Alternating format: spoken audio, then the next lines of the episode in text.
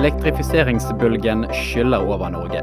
Oljebransjen eh, vil ha kraft for å kutte utslippene på eh, sokkelen. Landindustrien eh, vil bruke mer kraft for å bli grønnere. Og samtidig så snakkes det om helt nye grønne næringer her til lands. Går dette opp? Velkommen til en ny episode av Energi og klima, der vi i dag skal konsentrere oss om elektrifisering. Et ord som har eh, preget mediene, både de redaktørstyrte og de sosiale, i stadig sterkere grad eh, de siste ukene. Og til å gjøre det, så har vi med oss eh, vår faste paneldeltaker Ivar Slengesol fra Eksportkreditt. Velkommen. Takk for det. Du er fremdeles i Oslo, men har ikke klart å tvangsflytte Eksportkreditt til Vestlandet ennå? Nei, en uh, har ikke det. Men uh, det, det, jobbes, uh, det, det, jobbes, godt på Vestlandet. Ja, du, skal slippe, du, skal få slippe å svare på hva du foretrekker sjøl. ukens hovedgjest er en mann som for litt over en uke siden gikk ut i Telemarksavisen og sa vi trenger hele kraftoverskuddet. Rett nok en uttalelse på vegne av, av, litt flere enn kun han sjøl, men hjertelig velkommen til deg, Sverre Gotaas, administrerende direktør ved Herøya industripark. Takk skal du ha. Herøya er jo et uh, område med, med, stolte industritradisjoner, og som, som, stadig nevnes som lokalisering for uh, nye industriinitiativ og en, en videreutvikling av de, de virksomhetene som, som, ligger der. Når du går ut i lokalavisen og sier at dere trenger hele, det som er hele kraftoverskuddet i et normalår, hvem, hvem er det du uttaler deg på vegne av da, og hvem, hvem inngår i, i det regnestykket? Nå er jo vi som sier en industripark og har 80 eh, forskjellige bedrifter innenfor eh, våre gjerder. Det er jo en fordel med en industripark, vi kan lukke gjerdet og telle hvor mange som er her. Og noen av de er ganske store. Yara, etter hvert kommer Elkem. Vi har eh, ROI, eller Magnor som det heter nå. Vi har Adcon, vi har Innovyn. Som alle er store kraftkrevende industrier. Og når vi hører hva de har behov for, og etter hvert begynner å, å sette i bestilling eller anmoder Statnett om om å få tak i, så ser vi at denne lille øya alene, halvannen kvadratkilometer, det er ikke stort, eh, trenger omtrent 1000 megawatt mer kraft enn de har i dag. Og hvis du snakker om å gjøre om megawatter til terawattimer, som er det vi ofte hører om i, i media, så er det ca. 8 terawattimer. Hvis du løfter blikket litt utover Herøya og ser litt rundt deg, så finner du 1000 megawatt til, og da har du plutselig spist opp de 16 terawattimene som Norge mener vi har overskuddsproduksjon i dag. Hvordan er forsyningssituasjonen i dag, og når eh, blir dette et eh, problem, for å, for å, formulere det på den måten? Dette er litt spennende, fordi kraft er en, sak. altså Noen må jo produsere denne krafta, eller energien, eller hvordan du har lyst til å, å måle det. fordi strøm er jo ferskvare. Den, må, den brukes i det øyeblikket den produseres. Så, så, det er én ting, vi må ha noen kraftverk som kan levere dette. Det andre er jo at vi må ha et ledningsnett som kan lede denne strømmen fram til forbrukerne. Og her er jo seg den andre problemstillinga at skal du få strømmen fram, så må du i mange områder legge nye ledningsnett eller få nye transformatorer som har en, etter stat, Statnetts egne beregninger, har en sånn ledetid på syv til ti til tolv år fra du setter i gang arbeidet til du har f.eks. en kraftledning klar. Så Grunnen til at jeg har fokusert mer på kraft enn på ledninger, er at vi har et veldig sterkt ledningsnett i Grenland. Eh, det har vært industri der lenge. Det ligger i en sentral østlandsregion, så her er det mye kabler allerede, eller kraftledninger allerede. Men da er det liksom denne tilgjengeligheten av denne energien da, som, som, bekymrer meg. Vi er jo ikke alene om å ha planer om en ny, stor energikrevende industri i Norge.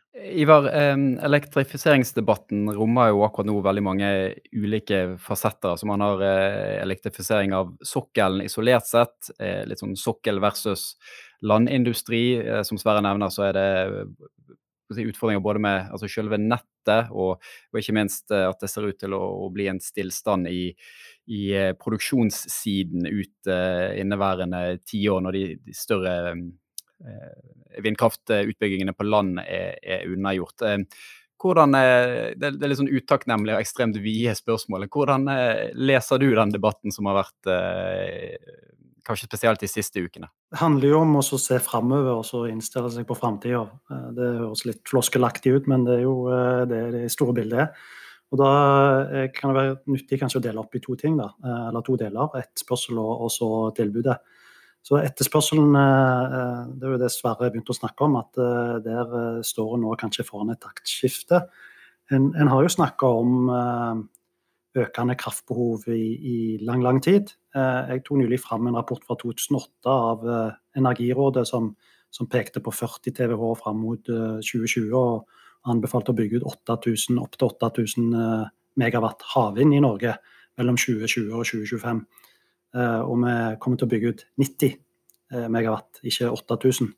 En promille av verdens havvindinstallasjoner i 2025, sånn som verden ser ut nå.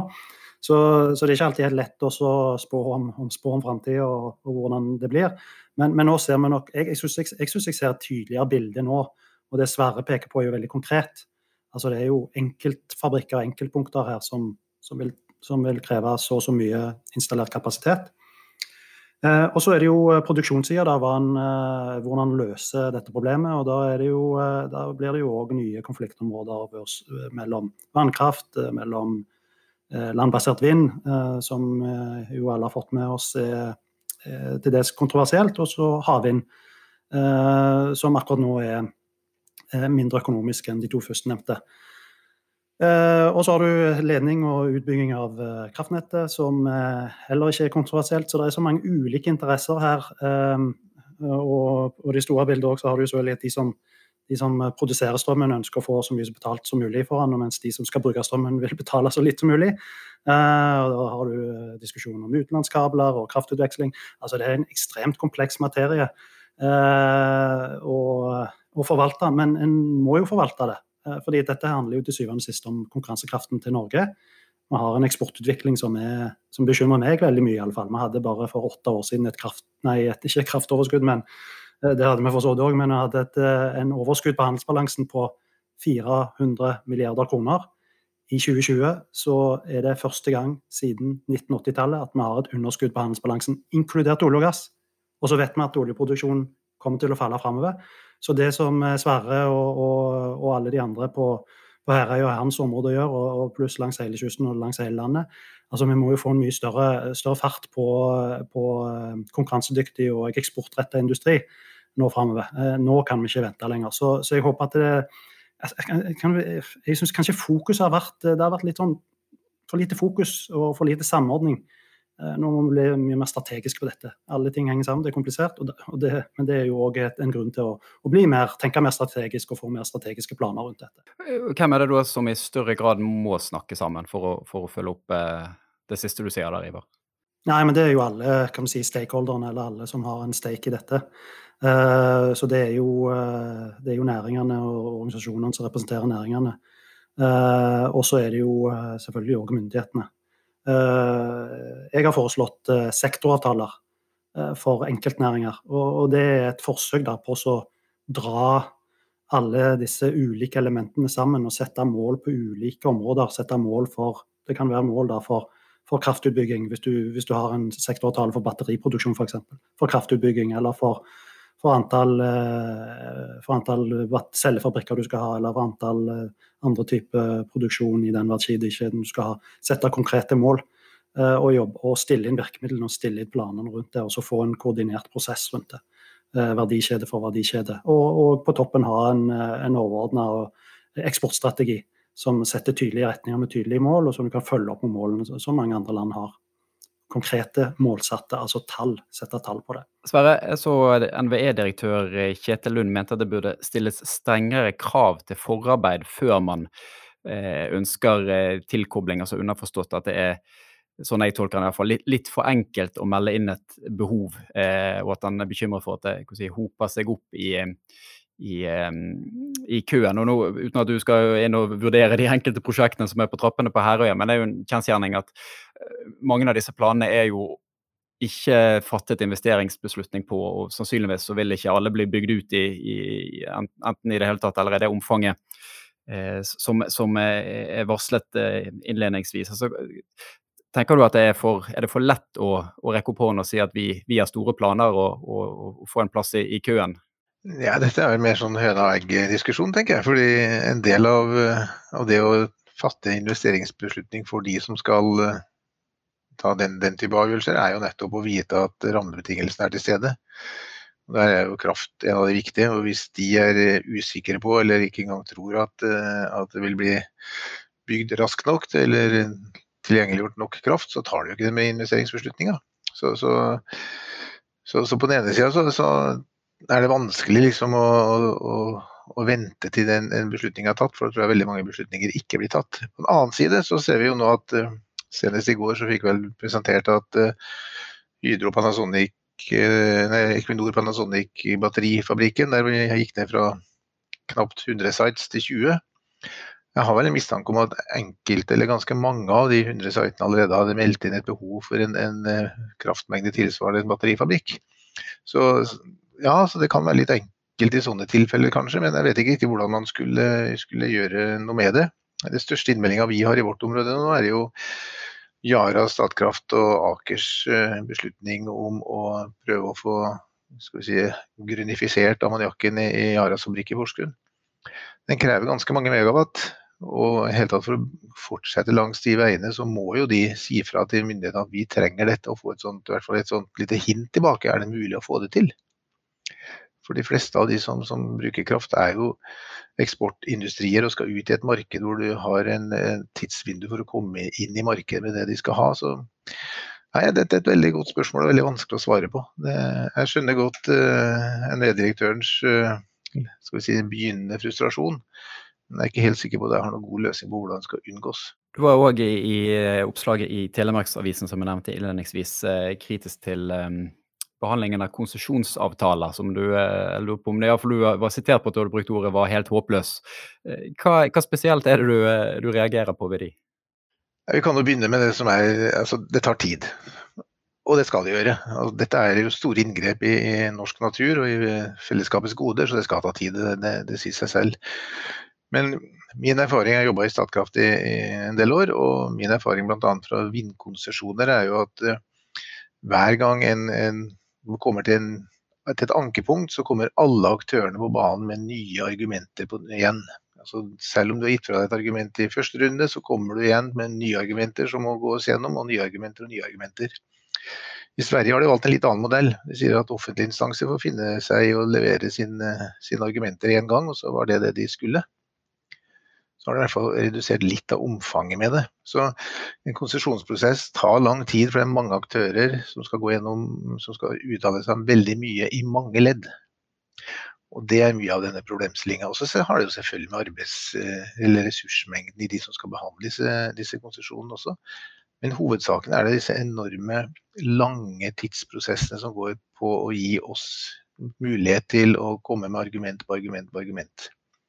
Det er kanskje noe av det jeg syns er mest uh, utfordrende med dagens konsesjonsprosesser. Samtidig så tenker jeg på altså vi i, i, Bergen der jeg sitter, vi har jo en, en litt tilsvarende situasjon som på, på Herøya i, eh, på, på, Mongstad, der man har, har meldt inn 2800 eh, megawatt eh, innen relativt kort kort eh, fremtid. Og jeg syns jo det er noe mer en personlig betraktning, men jeg, jeg syns det er interessant at du nevner denne batterifabrikken, eh, Sverre, der ingen av eh, de foreslåtte områdene i Vestland fylke nådde opp. Men så tenker jeg at det er jo kanskje ikke så veldig rart når man parallelt med den søknadsprosessen har ropt veldig veldig høyt om at vi har kraft. Og hvis det er noe en batterifabrikk trenger, og som jeg antar Equinor og, og, og, og, gjengen så etter, så var det jo nettopp hvor det var kraft. Men det var for så vidt en, en, personlig digresjon. Men poenget mitt var at um, ehm, BKK sier jo at av disse 2800 megawattene, så har jo 2000 av de kommet, blitt meldt inn nesten bare i løpet av et år. Så det er jo, jeg tenker at det er jo et eller annet med, med tempoet her eh, som, som, har økt ekstremt eh, raskt. og at det Eh, ja, prosesser for nettselskap eh, og, og, utbygginger og konsesjonsbehandling kan helt sikkert gjøres mer effektivt, men det er et eller annet, kanskje at det er en liksom mismatch mellom hvordan eh, vi rett og slett er rigget for å håndtere dette tempoet i, i alle ledd av, av forvaltningssystemet og, og, og, for så vidt parter fra, fra næringssiden òg. Hva tenker dere om, om, om den lille refleksjonen? Fra mitt ståsted har du har det et, veldig godt poeng der, at det har skjedd veldig mye de siste par åra. Det kan vi se ned hos oss også. Eh, det, noen dro ut proppen da, da liksom man begynte med batteridiskusjoner, slik jeg, som jeg så det. For det, da innså alle at skulle du få i gang batteriproduksjon i Norge, som er et type industri som har veldig mange arbeidsplasser forbundet til seg, det er jo en klar fordel, så krever det også mye energi. Og når den diskusjonen begynte å komme, så innså man jo det at uh, Norge er et attraktivt land for, for, batteriproduksjon, og begynte å grave litt i det. Og Samtidig så tror jeg det falt inn over mange at denne elektrifiseringa av Norge faktisk trenger elektrisk kraft. Da begynner ting å dra på seg. Og man i tillegg da begynte å få en, si, en mer realistisk debatt kanskje rundt hvor lurt det er å sende 2000 megawatt ut i havet så begynte ting skikkelig fort å rulle. Og nå er det innmeldt til eh, Statnett jeg tror det er rundt 10 000 megawatt behov frem mot 2030. Eh, total installert effekt i Norge i dag er noe over 30 000 megawatt. Så vi snakker om en tredjedel i tillegg. altså. Og nå blir ikke alt dette realisert, det skulle bare mangle, men det bare forteller hva slags fantastisk eh, kraft det er rundt i dette landet for å skape ny næring og bygge videre på det vi faktisk mener vi er gode på. Og vi får jo ta det som et pluss at, at konseptene er mange. Måten du ordlegger det på, så er det rett å tolke deg dit hen at du er litt skeptisk til elektrifisering av, av sokkelen? Nei, jeg, ikke, jeg syns det er en god idé. Eh, og så, og så er vi faktisk i ferd med å gå inn i en, en fase hvor noen må, og det er jo så deilig når vi sitter her og prater, at noen må begynne å prioritere tror jeg, hva vi skal bruke energien vår til. Og disse noen har allerede bestemt, for det er jo til syvende og sist politikerne på ganske høyt nivå som må ta disse beslutningene, de har bestemt at vi skal elektrifisere sokkelen. Det har Stortinget bestemt. Og Så kan vi like det eller ikke, men det er noe slik det ligger i dag. Det vi ofte glemmer, er at Stortinget har bestemt ganske mye annet også. Eh, vi skal bli karbonnøytrale, eller i hvert fall veldig lavkarbo i løpet av ganske få år ned med 55% i 2030 eller hva det er for noe rart, det krever masse elektrisk energi. Det er jo, elektrisk energi er nøkkelen til denne avkarboniseringa av samfunnet. Og Når du begynner å slå disse tinga sammen, så ser du at vi har spilt oss opp i et, eh, om ikke et hjørne, så i hvert fall på banehalvdel hvor konsekvensen av vedtatt politikk begynner å vise seg. Ivar, vær så god. Ja, i, i forlengelsen av, av, det du sa, Martin, og, om, uh, om diskusjonen på Vestlandet og batterifabrikker, Eh, og, og, det som Sverre snakker om her, om at eh, det, er en økning i innmeldte behov. Eh, ja, det er rett, men det er jo ikke noe overraskelse, det. Det er ikke sånn at en fant opp batterier i, i fjor. Dette kunne en se, til en viss grad iallfall, så kunne en se den komme. Og, og hvis jeg skulle gi et stikk til de på Vestlandet, så kanskje ikke alle der som har vært helt på toppen av, eh, av, et, mulig, eh, av et mulig kraftbehov. Eh, det er kontroversielt med å bygge kraftlinjer og prosjekter, særlig landbasert vind. Men nå kommer det her. Så det, så det var det jeg, litt tilbake til det jeg snakka om tidligere òg. En mer strategisk innretning mot Eh, eksportsatsinger. Da er det ikke egentlig så mye, handler om så mye hvor flinke vi er i Norge, hva, hva vi kan. og Det handler om det òg, men det handler jo aller mest om etterspørselen der ute. Hvor kommer etterspørselen? Når kommer etterspørselen? Og hva kan vi levere, og hva trenger vi for å kunne levere på den etterspørselen? Og eh, jeg, Det er en litt frekk påstand, da, men hvis jeg skulle våge den og si at en hadde, hadde hatt en litt mer sånn strategisk syn på det, Eh, la oss si for fem år siden, da, eh, så kunne en kanskje reverse engineer, eller tenke fram, hvis du satt i 2015 og tenke fram mot 2020 eller 2025, hva som i alle fall mulige scenarioer, og hva som vi burde eller kunne tenke på å være eh, forberedt på. Og det er mitt hovedanliggende. Å tenke, eller agere og tenke mye mer strategisk. ikke ja, litt sånn Å, plutselig så var det et stort kraftbehov, og det kommer mye, mye, mye, mye industri her. Um, ja, mye, mye, kan du ikke forutsi, men de store linjene kan du forutsi. Og du kan tenke litt gjennom hvordan du kan rigge deg for framtida. Greit nok at du opprinnelig er fra Stavanger, men dette blir fort eh, Oslo-eliten belærer eh, Vestlandet i, eh, i, vinklingen, så du får eh, donere. Og... Jeg får dra på ekstra mye på Stavanger. Det er jo eh, flere som har tatt eh, til orde for en en såkalt elektrifiseringsplan for Norge som et, eh, en mulig løsning på, eh, på, disse problemstillingene. og Du er jo litt inne på det, eh, Sverre, men noen må, må, bestemme. og Nå kommer jo denne energimeldingen egentlig til, til, til våren. og så er det har dere forventninger til at man der staker ut noen tydeligere veivalg som, som gjør at man da kanskje unngår å sitte her i 2025 og tenke på det man burde tenkt på i, i 2020. 2021 er vi nå, herregud, tiden går. Ja, Hvis jeg kan begynne, så vil jeg si det, det hadde jo vært å ønske at det ble det. Eh, min erfaring med, meldinger når det kommer fra storting og regjering, er jo at det de hittil i hvert fall har vist eh, liten vilje til å peke på spesielle i hvert fall, industrier, teknologier eller retninger. Og så skal vi ikke gå inn i den ideologiske debatten om det er lurt eller ikke, men, men bare registrere at sånn er det. Og det er jeg nok redd for at det er nå også. Eh, det som Ivar påpeker, og som jeg tror vi bruker litt liten tid på i det, slike debatter, er jo at ofte at den kraftkrevende industrien vi har i Norge, for å bruke et tungt og slit, slitent og litt, eh, litt loddent uttrykk, stort sett eksporterer alt de driver med. Det er en av de sterkeste eksportnæringene vi har. En tredjedel av fastlandseksporten i Norge, altså industri, kommer fra Grenland. Det er, en, det er, et punktum på kartet over Norge. Altså, det er ikke store arealer vi snakker om, men det kommer altså omtrent en tredjedel av det vi eksporterer fra Norge. Og der er det mye kraftkrevende industri. Så når vi nå skal inn i en fase hvor, så, som Ivar også påpeker, disse inntektene fra, fra olje- og gassvirksomheten går ned, og det kommer til å fortsette med.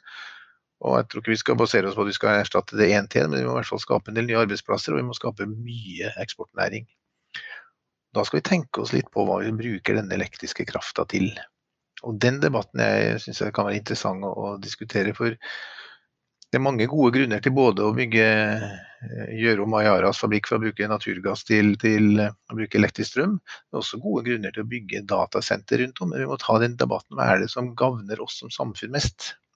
Til syvende og sist er det verdiskapninga vi legger igjen her i dette landet, som er det vi skal leve av. Og Den debatten føler jeg ikke vi har tatt skikkelig tak i ennå. Her blir det liksom en sånn kamp om elektronene, i stedet for å se men disse elektronene er til nytte. Det er jo, ikke, det er jo ikke en pest og en plage, det er faktisk en nyttig artikkel vi har. La oss diskutere litt hvor får vi mest igjen av de. Ja, og så er det et, et annet element som kommer inn her òg, og det er at uh, vi har en kraftkrevende industri her i landet fordi vi har hatt uh, enkel og god tilgang til, til billig vannkraft i ja, mer enn 100 år. Men eh, eh, det vi må ta inn over oss òg, at den fordelen den minsker dag for dag. Fordi det blir eh, jo utbygd stadig billigere vind og sol, spesielt verden over. Så det er jo òg et vindu her. Det vil jo ikke lukke seg helt, for vi, er jo velsigna med både vann og, og, vind, og til dels òg faktisk solenergi på sikt. Eh, men det vinduet, det, eller den fordelen, den blir litt mindre og mindre. Så, eh, så det, der ligger òg et løp tenker jeg, de neste ti åra til å sementere eller bygge eh, nye verdikjeder. Eller eh, si det på en annen måte. Både å gjøre eksisterende kraftkrevende industri grønnere, og å bygge nye verdikjeder, som batterier f.eks. Og Det er jo egentlig en, en fin overgang til, til et litt eh, nytt Eh, tema i samtalen. og det er, mm, Du er jo leder av Teknologirådet, eh, Sverre. Kan ikke du si litt, altså Teknologirådet har jo òg litt oppgaven å kanskje kaste blikket inn i krystallkulen og, og, og, og tenke litt høyt om, om, om, hvilke områder Norge har forutsetninger for å, å lykkes innenfor. Kan ikke du først si litt, altså Hva er, hva er, den, hva er Teknologirådet, og, hva, hvilke arbeidsoppgaver eh, ligger der? Teknologirådet er en artig konstruksjon. Det er, jo, det er, jo, etablert for å gi råd direkte til Stortinget. Og vi pleier å si det at uh, vi prøver, det vi har lyst til å gi, er å gi politikere en gave de ikke visste de ville ha. Altså det, teknologirådet står helt fritt til å ta av hvilke emner de måtte ønske, og presentere på hvilken form de vil. Ganske ulikt mye annet. Uh, så er, på den måten så er det jo å prøve å gi politikere råd eh, innenfor de områdene som vi mener, eller Teknologirådet iallfall mener er, er viktigst å ta beslutninger rundt i åra fremover. Og Der har vi jobba mye med klima- og energispørsmål, og også miljø. og Den eh, strategien vi jobber etter nå er jo tredelt. Det ene er digitalisering og kunstig intelligens knytta til demokrati og arbeidslivet. Den tredje er jo det som er mest relevant her. Også det er hva er god teknologipolitikk for den grønne omstillinga. Så der er vi allerede i gang med, med jeg liker ikke å bruke ordet utredninger, for det høres ut som det er noen som sitter på et kontor og, og leser bøker og skriver det de fikk ut av det. Men det er å skaffe faktaunderlag som politikerne i hvert fall kan sette seg ned og ta stilling til om de vil bruke eller ikke. Vi er et råd, ikke et eh, styre eller et, besluttende organ, så vi, vi, kan ikke gjøre noe annet enn å legge frem så gode faktabaserte refleksjoner som det er mulig. Og måten man jobber på er jo å ta med eksperter og legmenn rundt om i Norge til å uttale seg på problemstillinger. Både på hva er nå dette for et problem, men også hva slags påvirkning vil det ha på samfunnet. Så innen energi så er det jo nå satt i gang en del aktivitet i Teknologirådet, bl.a. hydrogen, som er en energikrevende prosess, sånn som vi ser for oss den i dag. Vi har masse forskjellige farger på disse hydrogenene. Skal være blått lurt, altså rent fra grønn elektrisitet til hydrogen, eller skal vi bruke blått, som er å fange karbondioksiden fra, fra, en reformering av naturgass, eller skal du ha en annen farge, gul eller rosa eller hva du liker. Og som sagt, Rådets oppgave er å peke på problemstillinger og, og gi liksom en viss retning til hvor man kan ta diskusjonen for å komme i mål. Og Derfor er det et ganske viktig, viktig virkemiddel, og en av grunnene til at jeg også sa ja til å ta den rollen. fordi det er, det er et sted du kan faktisk sette dagsorden. Er det noen eh, godt skjulte hemmeligheter som har eh, åpenbart seg eh, til noe i, i, arbeidet som eh, politikerne foreløpig ikke vet at de trenger å vite noe om? Nei, men jeg tror ikke de er så godt skjulte. Det er det som er artig med sånne hemmeligheter. at de, Når du først får øye på dem, så skjønner du at du ofte har sett dem tidligere. Men eh, la oss ta, ta hydrogen, da, bare for å ta det som et eksempel. Å produsere hydrogen fra elektrisk strøm har jo Norge gjort i si, nesten århundrer, eller i hvert fall siden 1927. Man sluttet jo med det i, i 1993 i Glomfjord. Og Der var Ivar inne på noe som er ganske viktig. Hvorfor slutta jeg med det? Jo, man kobla kraftverket i Glomfjord til, til, statens nettverk. Og fikk en alternativ pris på elektrisk kraft. Og Da var det ikke lønnsomt å lage hydrogen på den måten lenger. Så det er, det er så tett kobla det her, det er så tett kobla disse problemstillingene at du kan liksom ikke ta ut en liten bit og gi et godt råd for det. Er nesten, nesten nødt til å gi en, en, en beskrivelse av, av, omlandet rundt, som disse politikerne faktisk er nødt til å ta stilling til. Tusen takk, eh, Sverre og eh, Ivar. Vi skal eh, runde av som vi alltid gjør med ukens anbefaling til lytterne. Jeg kan være første man ut i dag. Og det er en, eh, en interessant forskningsartikkel jeg eh, fant i tidsskriftet Nature Human Behavior, som, der man har undersøkt i Sveits effekten av å ha det grønne alternativet som standardvalg. Der har man da vist at eh, i år én var den eh, generelle standardvalg, og du måtte betale, gjøre et aktivt valg for å eh, velge fornybar energi. og I år to så switchet de rett og slett rundt og ser da at eh, de aller, aller fleste bare beholder standardvalget uavhengig av eh, energitype og eh, at den grønne løsningen var et par eh, eurosent dyrere per eh, kilowattime. Så det, det, er jo et interessant eh, funn som kanskje gjelder på, på andre områder i samfunnet òg. Ivar? Ja, Det internasjonale fornybare energibyrået Eh, Irena kom denne uka med en eh, rapport som eh, tegner opp scenarioer for 1,5 graders eller Paris-målet mot 2050, og hvordan energisystemet må endre seg. Vi har jo sett lignende scenarioer før, men det er en god påminnelse på den enorme omveltningen som må skje i energisystemene. og det har også stor betydning for Norge selvfølgelig fram mot 2050, hvis en skal komme innen rekkevidden av Paris-målene. Da Sverre, skal du få eh, gleden av å, å runde av. Da syns jeg folk skal ta seg bryet og gå inn på Prosess21s hjemmesider og laste ned rapportene som har med kraft å gjøre. Ikke fordi det skal lage eh, skal vi si, mareritter og søvnløse netter, men for der står det, det er faktisk et veldig optimistisk dokument som forteller hva vi kan få til. Og hva vi tror kommer til å skje med norsk industri. Og by the way, det krever ganske mye energi. Men det er en, en, en, fin måte å få et innblikk i hvordan norsk industri ser på sine egne utviklingsmuligheter inn mot et totalt karbonfritt samfunn om 30 år, som det vi snakker om. Det passer godt å runde av med litt eh, optimisme. Alt blir bra, er ikke det det heter? Uh, Syns jeg jeg har gått rundt og sagt noe i, i, over et år, så vi får satse på at det gjelder òg for uh, prosessindustrien. Tusen takk til Sverre og Ivar. Takk til deg som hørte på. Vi er tilbake med en ny episode av Energi og klima neste uke.